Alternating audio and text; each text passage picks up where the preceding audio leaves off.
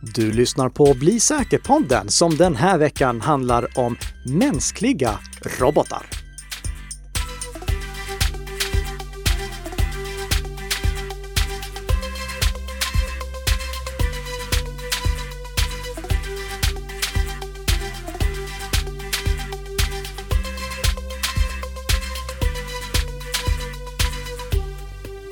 Ja, god morgon, god morgon och välkommen till Bli säker-podden som produceras i samarbete mellan Nicka Systems och Bredband2. Normalt sett, då är det ju både jag, Nicka, och min poddpartner Tess som sitter här och diskuterar IT-säkerhet. Men nu är Tess på semester, så här sitter jag, alldeles ensam. Och så kan vi självfallet inte ha det. Så om några minuter, då kommer jag att ringa upp den nya deckarduon Åsa Schwarz och Lena Karlin för att prata med dem om artificiell intelligens. De har nämligen precis släppt den nya AI-fokuserade thrillern Dockfabriken som för övrigt nu också finns som ljudbok för er som föredrar att lyssna på böcker istället för att läsa dem. Så vi ska alldeles strax ta och kontakta dem, men innan vi gör det, då måste vi såklart gå igenom veckans snabbisar. Och först och främst har vi en nyhet på VPN-fronten. Många VPN-tjänster de eh, har en eh, så kallad nollloggningspolicy. Det innebär att de inte sparar information om användare eller vad användarna gör när de är anslutna till den här VPN-tjänsten.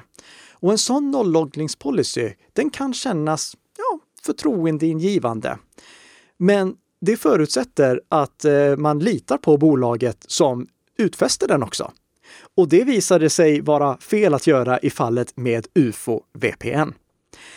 VPN Mentor, de upptäckte nämligen att UFO VPN inte bara loggade användarnas aktivitet, de har också läckt användarnas aktivitet. Eh, VPN Mentor hittade 1,2 terabyte, alltså 1200 gigabyte med loggdata från UFO VPN och VPN-tjänster som i sin tur förlitar sig på UFO VPN. Det här är över 20 miljoner användare som berörs och UFO VPN läckte namn, e-postadresser och lösenord i klartext. Alltså det här är helt otroligt. Men jag tror inte att det är många här i Sverige som använder UFO-VPN. Jag hade inte själv hört talas om dem, men oavsett vad är det viktigt att lyfta upp, för det sätter liksom fingret på vad som är viktigt att tänka på när vi väljer VPN-tjänst. Och det är att vi väljer en VPN-tjänst där vi litar på företaget som står bakom. Vet vi inte för vilket företag som står bakom eller om vi inte litar på det, då ska vi definitivt inte använda den VPN-tjänsten. För utfästelserna som de gör hur ska vi veta att de är sanna? Det spelar inte ens någon roll ifall VPN-tjänsten påstår sig ha genomgått en tredjepartsgranskning, alltså där ett annat säkerhetsföretag har inspekterat deras system. För om vi inte litar på bolaget, då finns det ju ingenting som säger att deras system fungerar idag så som systemen gjorde den gången det blev granskat av det här tredjepartsbolaget. Så när ni väljer en VPN-tjänst, framförallt nu när ni är ute och reser i sommar, välj en VPN-tjänst som är från ett företag som ni litar på. Nästa nyhet är en, en god nyhet faktiskt. Eh, och den gäller nätfiskande pushnotiser som vi förhoppningsvis nu kommer få se färre av. Jag tror att många med mig störs av att ni går in på en webbplats och då dyker det direkt upp en sån här notisförfrågan som frågar Vill du ta emot pushnotiser från oss? Och nej, självfallet vill jag inte göra det. Eller okej, okay, det finns kanske något sammanhang där någon vill det, men normalt sett vill jag inte det. Men de här notisförfrågningarna, de är inte bara störande. Om vi luras att godkänna notiser från en bedrägeriwebbsida, då kan notiserna också användas i nätfiskeattacker. Låt mig ta ett exempel med anledning av eh, det som vi såg för förra veckan, eh, ni vet när eh, den här Tiny URL-tjänsten var kapad. En av webbsidorna som man leddes in på då, den sidan presenterade en, en film som man inte kunde klicka på och så stod det att vi var tvungna att klicka på tillåt uppe till vänster för att få se filmen. Liknande attacker har vi också sett där vi kommer till en sida och så står det att vi måste klicka på tillåt för att verifiera att vi inte är en robot. Båda de exemplen är exempel på hur angripare kan använda sådana här pushnotiser för nätfiskattacker. För när vi har lurats att klicka på tillåt, då kan angriparna sen efter någon vecka ha brandat om hela sidan så att den istället ser ut som ett inloggningsfönster till Google eller till en sajt där vi ska ange våra kreditkortsuppgifter. Och så skickar de ut en pushnotis där det står att vi är tvungna att eh, återange vårt lösenord eller återange vårt kreditkortsnummer. De notiserna kan se väldigt trovärdiga ut i och med att de dyker upp i liksom, eh, operativsystemets notifikationsfält. För att råda bot på det här problemet så har Google nu i samband med lanseringen av Chrome 84 som började rulla ut till alla datorer i förra veckan lanserat en blocklista för vilka webbplatser som inte ska få skicka sådana här notisförfrågningar överhuvudtaget. Om en webbplats missköter sig, då hamnar de på den blocklistan och då kan de inte längre be oss användare godkänna sådana här notiser. Det här är självfallet inget som löser problemet helt och hållet, men det kan i alla fall begränsa omfattningen av det eller minska omfattningen av det. Men jag skulle självfallet uppmana alla att i samband med det här, att ni hör det här, ändå gå in och kolla i er webbläsare vilka webbplatser som ni tillåter notiser från. Dels för att inte hålla på att störas och dels för att se till att ni inte har råkat ange eller tillåta notiser från en webbplats som ni i själva verket inte vill ha notiser från. Så om ni kollar i våra show notes, då finns det en länk där till en tillhörande artikel med instruktioner på hur man undersöker vilka webbplatser som får skicka notiser till en och även möjlighet att stänga av notisförfrågningar helt och hållet. Sista nyheten för den här veckan berör Bad Power och det är en sårbarhet som typ varannan tekniksajt har rapporterat om under den gångna veckan. Bad Power är en sårbarhet som upptäcktes av säkerhetsforskare hos kinesiska Tencent som upptäckte att de kunde förstöra mobiltelefoner genom att koppla dem till en i förväg omprogrammerad snabbladdare. Vanliga mobiltelefoner laddar med 5 volt, alltså det är 5 volt som kommer ut ur laddaren och det är 5 volt som går in i mobiltelefonen. Men eftersom våra mobiltelefoner har fått större och större batterier har vi behövt snabbladdare. Och snabbladdare höjer spänningen från själva laddaren hela vägen upp till 20 volt. Och en kompatibel mobiltelefon kan då också ta emot det. Det är aldrig någon risk att koppla en icke snabbladdningskompatibel mobiltelefon till en snabbladdare eftersom innan spänningen höjs så sker det en eh, liten kommunikation mellan snabbladdaren och mobiltelefonen som säkerställer att mobiltelefonen är redo att ta emot den högre spänningen.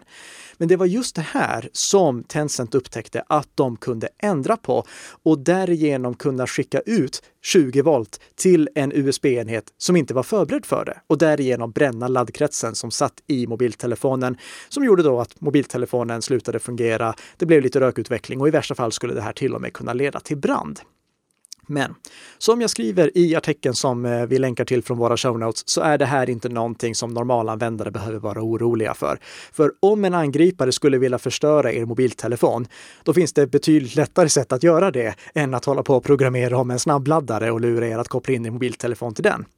Det står också i rapporten från Tencent, som tyvärr är väldigt sparsmakad på detaljer, att det skulle gå att göra ett skadeprogram som infekterar mobilen och får mobilen att omprogrammera den anslutna laddaren så att den anslutna laddaren höjer spänningen utan att mobiltelefonen är förberedd för det. Och ja, visst, men det är en teoretisk attack. Jag har aldrig hört talas om att det här har inträffat i verkligheten. Håller det väldigt osannolikt att någon skulle sprida ett sådant skadeprogram, för det är inte någonting som angriparna kommer kunna tjäna pengar på. Så det här är någonting som självfallet är bra att Tencent lyfter upp så att eh, de som tillverkar snabbladdare kan åtgärda det. Men det är inte någonting som vi normalanvändare behöver vara oroliga för om vi ska vara oroliga för någonting när det gäller laddare, då är det snarare att vi har laddare som inte är elsäkra. För eh, om vi kollar på vad som hände när Elsäkerhetsverket provade att importera tio stycken laddare från den här populära privatimportsajten Wish. Det gjorde de 2018. Och av de tio importerade laddarna så var det inte en enda som ens klarade de grundläggande elsäkerhetskraven. Så om vi ska vara oroliga för något, då är det att vi har dåliga laddare som inte är elsäkra, inte att våra laddare kan bli infekterade via våra mobiltelefoner. Och med det sagt, låt oss bjuda in veckans gäster. Och då välkomnar jag veckans gäster som ansluter in hit till podden via Skype. Välkomna Åsa Schwartz och Lena Karlin. Tack så mycket. Tack. Hej. Eh, och det är alltså Åsa Schwarz som är eh, säkerhetskonsult och eh, författare. Och Lena Karlin som likaledes är författare men också översättare och har översatt flera välkända romaner. En liten udda duo får jag säga ändå. Hur, hur kom det sig att ni slog era kloka huvuden ihop? Ja, det var ju en bok som Åsa skrev en gång i tiden. Du kan ju börja berätta om den. Ja, jag skrev en, en, bok för ganska länge sedan faktiskt, det är en tio år sedan någonting, mm. som eh, vi som en del i marknadsföringen gjorde en Facebook-thriller av. Där huvudpersonen Aha. fick egentligen berätta boken i, som en person på Facebook. Um, och då var det ju någon där som hade så väldigt bra kommentarer och, och liksom drev uh, berättelsen vidare. Det råkade vara Lena, jag hade aldrig träffat henne förut alls. Um, och så träffades vi på releasefesten och sen så började vi dela skrivbord på ett, på ett sån här frilanskontor. Ja. Och så här är det nu helt enkelt. Mm. Ja. Mm. Så det är internet. Och ni, ja, och ni är ju nu aktuella med den nya boken Dockfabriken, en AI-fokuserad thriller. V vad är egentligen anledningen till att ni valde att skriva en bok om just artificiell intelligens? Ja, det var ju, alltså ämnet är ju aktuellt och blir bara mer och mer aktuellt. Uh, och mm. sen så tyckte vi att, uh, vi tycker att det är roligt med spänningslitteratur. Så att ja. vi uh, bestämde oss för att liksom kombinera det, att berätta en spännande och underhållande historia då, förhoppningsvis. Eh, med, eh, och sen samtidigt då påtala saker som folk behöver tänka på inför liksom den tekniska utveckling som, som sker, som kommer att ske. Mm. Det, är ju ett alldeles ypperligt sätt att eh, väcka tankar kring de problemen som artificiell intelligens introducerar. Mm. Eh, och eh, jag, får säga att det är en fantastiskt bra bok ni har gjort. Den får fem av fem sådana här go-ploppar av mig i betyg. När jag fick den av Åsa så sträckläste jag den på en och samma kväll långt in på natten. Jag var trött dagen efter och det är ditt fel. Åsa. Jag, jag, jag tar på mig det, det är okej. Okay. Ja, ja, det är bara roligt eh, tycker vi. väldigt bra bok, oavsett om man är intresserad av eh, teknik eller inte. Och, och jag får säga att, eh, jag vet inte om det är så, men jag tyckte att lite av eh, samma stil som Dan Brown har i sina böcker om Robert Langdon, Da Vinci-koden till exempel, det, det lyste igenom lite också i er bok. För du Lena, du har ju översatt några av Dan Browns böcker. Ja, ja det stämmer. Och vi har väl inte tänkt på det, men, men det, alltså, det är ju ingen dålig jämförelse. För det är ju, han skriver ju, Dan Brown skriver ju väldigt eh, drivna och eh, bra, alltså underhållningsböcker, väldigt bra spänningslitteratur. Så att, ja, ja det är och, och det bara var, det var just, emot. och det var just tempot där som jag, gillar så mycket. Jag, jag, älskar deckare där det inte är långdraget innan det liksom kommer in i action, utan det är pang på från första början mm. så att det inte lugnas ner någonstans. Och det var helt perfekt i den här boken. Och nu så är jag helt övertygad om att alla lyssnare har blivit väldigt nyfikna på vad det är för bok. Så skulle inte ni kunna beskriva lite kortfattat storyn? Vad är det den här boken handlar om? Den eh, handlar egentligen om en, en forskare eh, inom AI så, som eh, både han och hans robot blir, blir kidnappade. Eh, och när berättelsen rullas upp så, så kommer Säkerhetspolisen bli inblandade men också en av kollegorna till den här professorn på KTH som också är expert på AI. Eh, så vi får följa både ett polisarbete och ganska mycket eh, AI och teknik och, och eh, den typen av, av detektivarbete. Ja. Mm. Och sen så och, kan vi också nämna mm. att eh, eh, det här är ju då personer som vi kommer att få följa. Det är ju tänkt mm. att det ska bli en serie det här. Jaså? Ja. Så ni har redan börjat jobba på nästa del i ja, serien? det stämmer. Kommer det, Kommer det också vara AI-fokus där eller är det någonting annat nästa handlar om? Nej, det är AI fast med lite annat tema kan man säga. Mm. Mm. Okej. Okay. Det temat är inte riktigt officiellt än. Nej. nej, nej, nej, nej okej. Det, men det är bra, då vet jag i alla fall att jag har något mer att se fram emot. I den här boken så uh, har ni ju en, uh, en fiktiv story med lite verklighetsinslag. Och sen avrundar ni det hela med lite rekommendationer, alltså faktiska mm. rekommendationer till organisationer, till länder, eh, mm. vad man ska tänka på med tanke på den utveckling som vi ser i AI nu. Ungefär som du Åsa avslutade de sju nycklarna mm. Mm. som handlade om DNSSEC, vilket vi kanske också ska prata om någon gång. Men det, de här avslutande rekommendationerna, jag tycker att de blir väldigt tydliga i och med att man har den här fiktiva storyn liksom i huvudet när man läser dem. Och mm. även om det inte är någonting som kanske skulle kunna hända idag, så är det någonting som skulle kunna hända i framtiden. Mm. Ja. Och när det gäller just AI så tror jag inte att det går en dag nu utan att vi i säkerhetsbranschen hör någon tjata om AI. Alltså, det, det, det, det bara öser in pressmeddelande och folk skriver, alltså säkerhetsbolagen, de skriver vi har gjort det här med AI, vi har gjort det här med machine learning, vi har gjort det här mm. med eh, deep learning.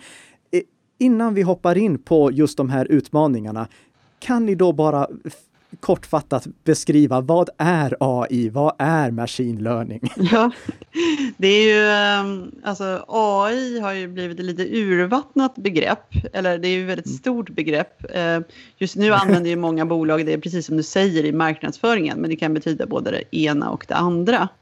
Vi kanske skulle, om vi, om vi börjar från början, vad, vad intelligens är för något? Ja. Eh, så, så kan man, man kan, intelligens kan man ju definiera på hundra olika sätt och det har vi tagit upp lite i boken också. Men eh, man kan till exempel titta på hur, liksom, vilken typ av mål man kan, vilka komplexa mål man kan uppnå. En, en dator, en, en uh, traditionell dator kanske fixar ett, ett schackspel. Uh, mm. uh, och det är ett mål då. Och en människa kanske både kan fixa ett schackspel, dricka kaffe och sen uh, gå och prata med några kompisar efteråt.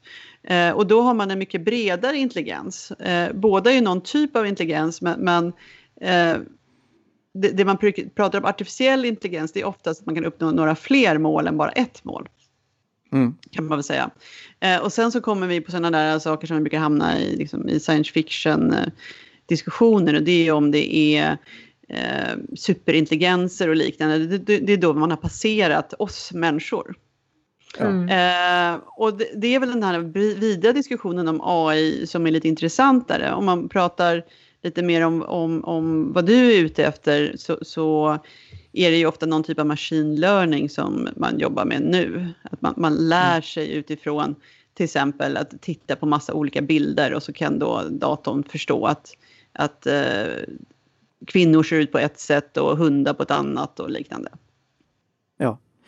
Och den typen av AI som ni pratar om framför allt i den här boken, om vi tar då roboten eh, Adam mm. som exempel. Ja. Det är ju, eh, vad, vad, skulle du säga, är det machine learning som har gjort att eh, den här roboten har kunnat börja bete sig som om han vore en människa? Det är en väldigt avancerad eh, form av deep learning. ja. ja det, den, det är en, en vi, vi, har ju tittat lite bland annat på, på roboten Sofia som kanske en hel del har känner till. Uh, mm. och, och, Så Adam är väl som Sofia fast bättre liksom? Ja. Mm. Och skulle du säga att eh, Adam är någonting som vi kommer kunna se i verkligheten bara inom, eh, låt oss säga fem eller tio år? Hur långt bort är Adam på riktigt? Ja, inte ja. så långt bort väl? Nej, alltså Nej. Um, vi ska ju inte avslöja historien för mycket. Men Nej. Adam ligger ju ganska nära där vi är idag. Ja. Okej. Okay. Ja, för jag, jag, tycker den typ av mm.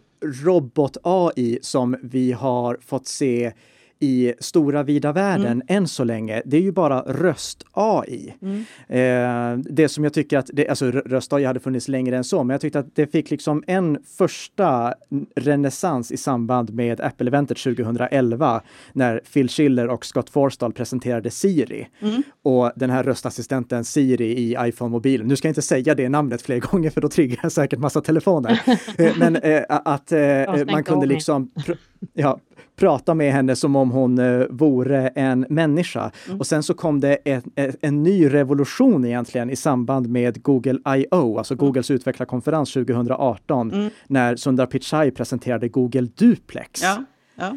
Eh, och bara kortfattat också för eh, alla som lyssnar. Google Duplex, det är alltså en tjänst som gör att en robot kan ringa ett samtal och bete sig som det vore en människa. I exemplet så ringer roboten och eh, bokar mm. en frisörstid. Jag lägger med en, en länk ja. till det också. Mm. Men det, det, är det som jag har sett som artificiell intelligens i robotsammanhang än så länge. Har vi kommit något längre när det gäller alltså fysiska robotar som har tagit sig längre än bara rösten? Ja. Du menar längre än Sofia eller? Längre än... Ja, vad är Sofia? Ja. Det är Hansson Robotics har en, en, en, en eh, robot som, det är den, det är den första roboten som blivit eh, medborgare i ett land. I Saudiarabien? Ah. Ja, Saudiarabien. Så vi har tittat ganska mycket på henne och hennes syskon. Ja. ja. Eh, och, det finns ju några stycken till som är, som är på, på nivå med Sofia. Men Sofia har ju just åkt, åkt runt och blivit liksom förevisad ja. i en hel del evenemang och sånt där. En annan sak som egentligen är huvudanledningen till varför jag skulle vilja prata med er här i podden, det är den här saken som mm. står lite längre fram i boken. Det är en karaktär som säger så, som så här. Egentligen är det så att de flesta stora amerikanska IT-företagen, som Microsoft och Facebook, ligger på sina regeringar om att mm. lagstifta om artificiell intelligens för ja. säkerhetsaspektens skull. Mm. Men också för att de vill ha klarare spelregler. Det måste vara första gången företag vill ha mer lagstiftning än politiker. Mm.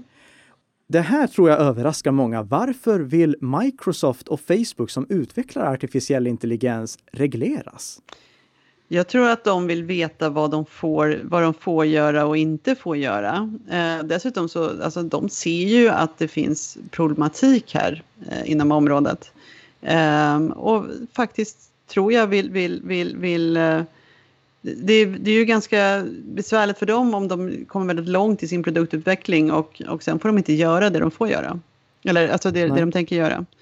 Eh, vad, vad, ja. Nej, vad, vad, tror du att det är exempelvis som de är oroliga för huruvida de får göra eller inte? Um, ja, alltså det är ju det här med, med etiken. mm. uh, jag försöker hitta, hitta något bra exempel. Men... Ja, ehm, nej, ja. Det, vi, vi, kan ta ansiktsigenkänning. Ja. En robot måste ju kunna känna igen människor och nu under sommaren, framförallt efter att vi hade den här Black Lives Matter, eh, efter att det blev en, en stor grej, eh, så har ju flera bolag som utvecklat artificiell intelligens för ansiktsigenkänning mm. pausat utrullningen av det. Är det sådana saker du till exempel ser att eh, vi skulle vilja ha lagstiftning kring? Ja, sådana saker. Men sen så tänker jag också att eh, jag tror att ett av de stora problemen är det som vi inte kan tänka ut riktigt. Eh, Lena var ute efter exempel här när om, om eh, vi ger robotar i uppdrag att göra saker och de mm. Eh, plötsligt gör farliga saker för att uppnå sina mm. mål. Ja, för att eh, skydda uh, människor eller för att liksom göra, ja, uppfylla sin uppgift helt enkelt. Ja, Um, och det ser man ju idag på, på bland annat spel, när, när, AI spelar spel. Så gör den ju helt andra saker än vi tänker oss. De kan ju spränga upp sina egna figurer och sådana saker bara för att få mer poäng. Och, ja, men det, det, de löser spelprogram på ett helt annat sätt. Ja. Uh, och då kanske de löser andra uppgifter på ett helt annat sätt. Och det kan bli ganska obehagligt när det inte är ett spel utan att det faktiskt är på riktigt. Ja, Tror ni att det skulle gå att lagstifta kring det här? Alltså hur, hur lagstiftar man kring någonting som vi inte ens vet vad det är? Jag tror att man lagstiftar genom att göra en bra riskhanteringsprocess helt enkelt. Det ser man ju på mm. personuppgifter. Där, ja. där har vi... jag, jag, jag, får säga att det var ett typiskt konsultsvar från IT-säkerhetsbranschen. Ja, eh, men det kanske ligger i någonting, vi har ju jobbat ett tag med det här så att det kanske inte bara är bullshit. Ja. nej, nej, det var absolut inte så jag menade. Det var absolut inte så jag menade. nej, vi har bara skämtat. Men ja. eh, det, jag, jag, tror att man måste titta på, man kan ju följa till exempel privacyfrågor, hur man, hur man jobbar med det och får in mm. att man måste titta på, på, på ett ansvarsfullt sätt på säkerhetsaspekterna när man tar fram sådana här saker. Ja. Eh, ni har ju tagit del av en hel del forskning också som mm. eh, ni har eh, gått igenom inför att ni har skrivit den här boken. Vad finns det för trender där? Alltså, fin finns det någon forskning som hjälper oss när det kommer till reglering av vad AI ska få göra och inte få göra? Det finns, eh, det finns ett antal standardiseringsorgan som jobbar ganska... Alltså det finns, EU har ju tagit fram eh, ja, vad ska man kalla det för, eh, etiska riktlinjer om man kallar det för. Och sen så har vi eh, I, vad är de heter, I triple E. Eh, de har ja. också en väldigt bra standardiseringsgrupp som jobbar med det här. Eh, mm. Så att om du ska skicka med länkar så kan du få dem av mig sen.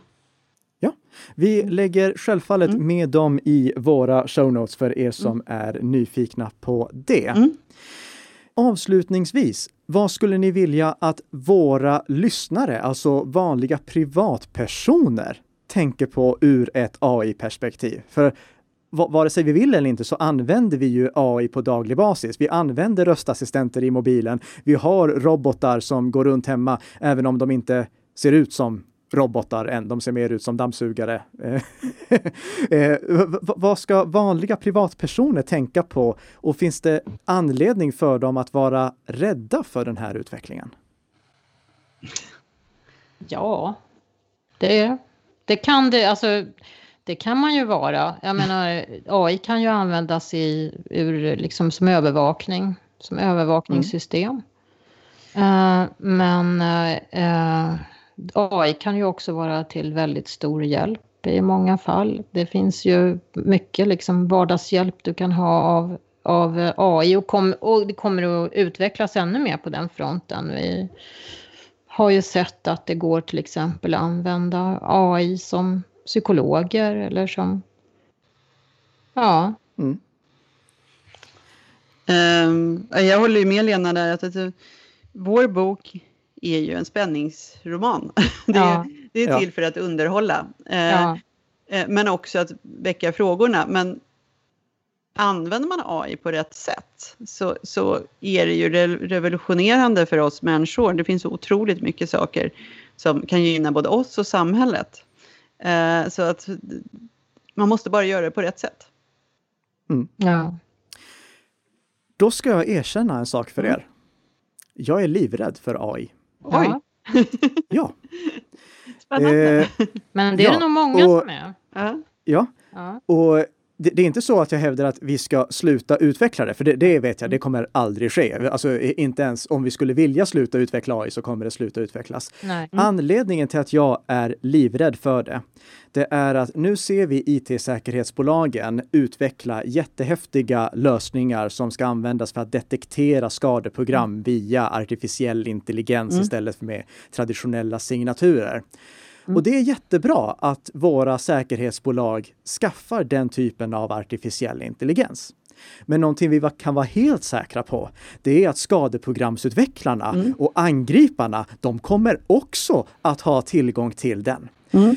En av huvudanledningarna till att det exempelvis fortfarande är förhållandevis lätt för oss människor att avslöja nätfiskeattacker, mm. det är för att om nätfiskeattackerna inte är väldigt relevanta, utan alltså, om de inte är riktade mot oss, om de inte anknyter till någonting som vi håller på med för tillfället, en beställning som vi gjort, en kontakt som vi har, mm. då känner vi att det är ett udda mejl att få. Mm. Anledningen till att angriparna idag inte kan utföra det som vi kallar riktade attacker, där de lägger ner massa energi energi på att göra mottagaranpassade nätfiskeattacker som är verkligen riktade till en specifik person. Mm. Det är att de inte har resurser till det. De kan inte sätta vanliga människor på att utföra de attackerna och konstruera dem. Men när de har tillgång till samma typ av artificiell intelligens som vi har för att skydda oss med, mm. finns det ingenting som hindrar dem från att utnyttja den för attacker. Mm. Och då tänker jag till exempel på att skicka väldigt nischade mejl där de har skrapat information om oss på LinkedIn och satt ihop ett jättebra nätfiskemail som är riktat direkt till oss. Eller som med Google Duplex, att det är någon som ringer till oss och vi märker inte ens att det är en robot mm. vi pratar med. Precis. Är jag rädd i onödan? Nej, det tycker jag väl inte. Det är väl bra att vara på sin vakt. absolut. Um... Nej. Och... Har jag paranoia? Nej. Nej. Nej, det tycker jag inte. Nej, och om man, om man tänker på det här med, du pratade om just Google Duplex och sådär. Um, det var ju ett uh, case i London här för några månader sedan där de trodde att den högre chef från Tyskland ringde och mm. begärde en utbetalning. Uh, men det var inte, det var, de hade bara helt enkelt härmat hans röst och så försvann några miljoner. Ja. Uh, och tänk om man kan göra det där liksom automatiserat för stora mängder människor. Mm. Mm. Det, det, är exakt det som mm. gör att jag, jag, och, och, jag vet inte hur vi skulle kunna skydda oss mot det. Alltså det, det, blir ju en kapprustning att ha AI som bekämpar AI. Ja. Men så och är det ju alltid när det gäller säkerhet. Ja. Att man kan bli uppringd av någon som är en AI och som låter som en människa. Det är väl kanske mm. någonting vi kommer att få vänja oss vid förmodligen kommer det att bli så. Att vi kommer ja. liksom få vara mer misstänksamma. Mm. mm. Helt enkelt. Kommer vi hinna hitta skyddsmetoder mot det här i tid? Det beror ju på våra politiker, tror jag. Ja. Mycket. Mm. Um, och, och, idag tror jag inte många politiker är helt på banan helt enkelt, tror jag heller. Mm. Så att vi får väl hjälpas åt lite och berätta både för dem och våra företagsledare att, att uh, vi måste titta mm. inte bara på fördelarna, fördelarna utan också på riskerna så att vi, vi, vi springer åt rätt håll. Ja. Åsa Schwarz, Lena Karlin, jättestort tack för att ni tog er tid. Både att skriva den här fantastiska boken, fem av fem i betyg från mig. Åh, den tack. finns i alla bokhandlar så eh, det är bara att springa och köpa. Den rekommenderas väldigt varmt. Både som en tankeväckare eh, och eh, som eh, lite instruktioner i avslutningen på vad vi bör tänka på för att hålla samhället säkert. Tack så jättemycket! Ja, tack, tack så mycket, jättekul att vi fick komma. Ja.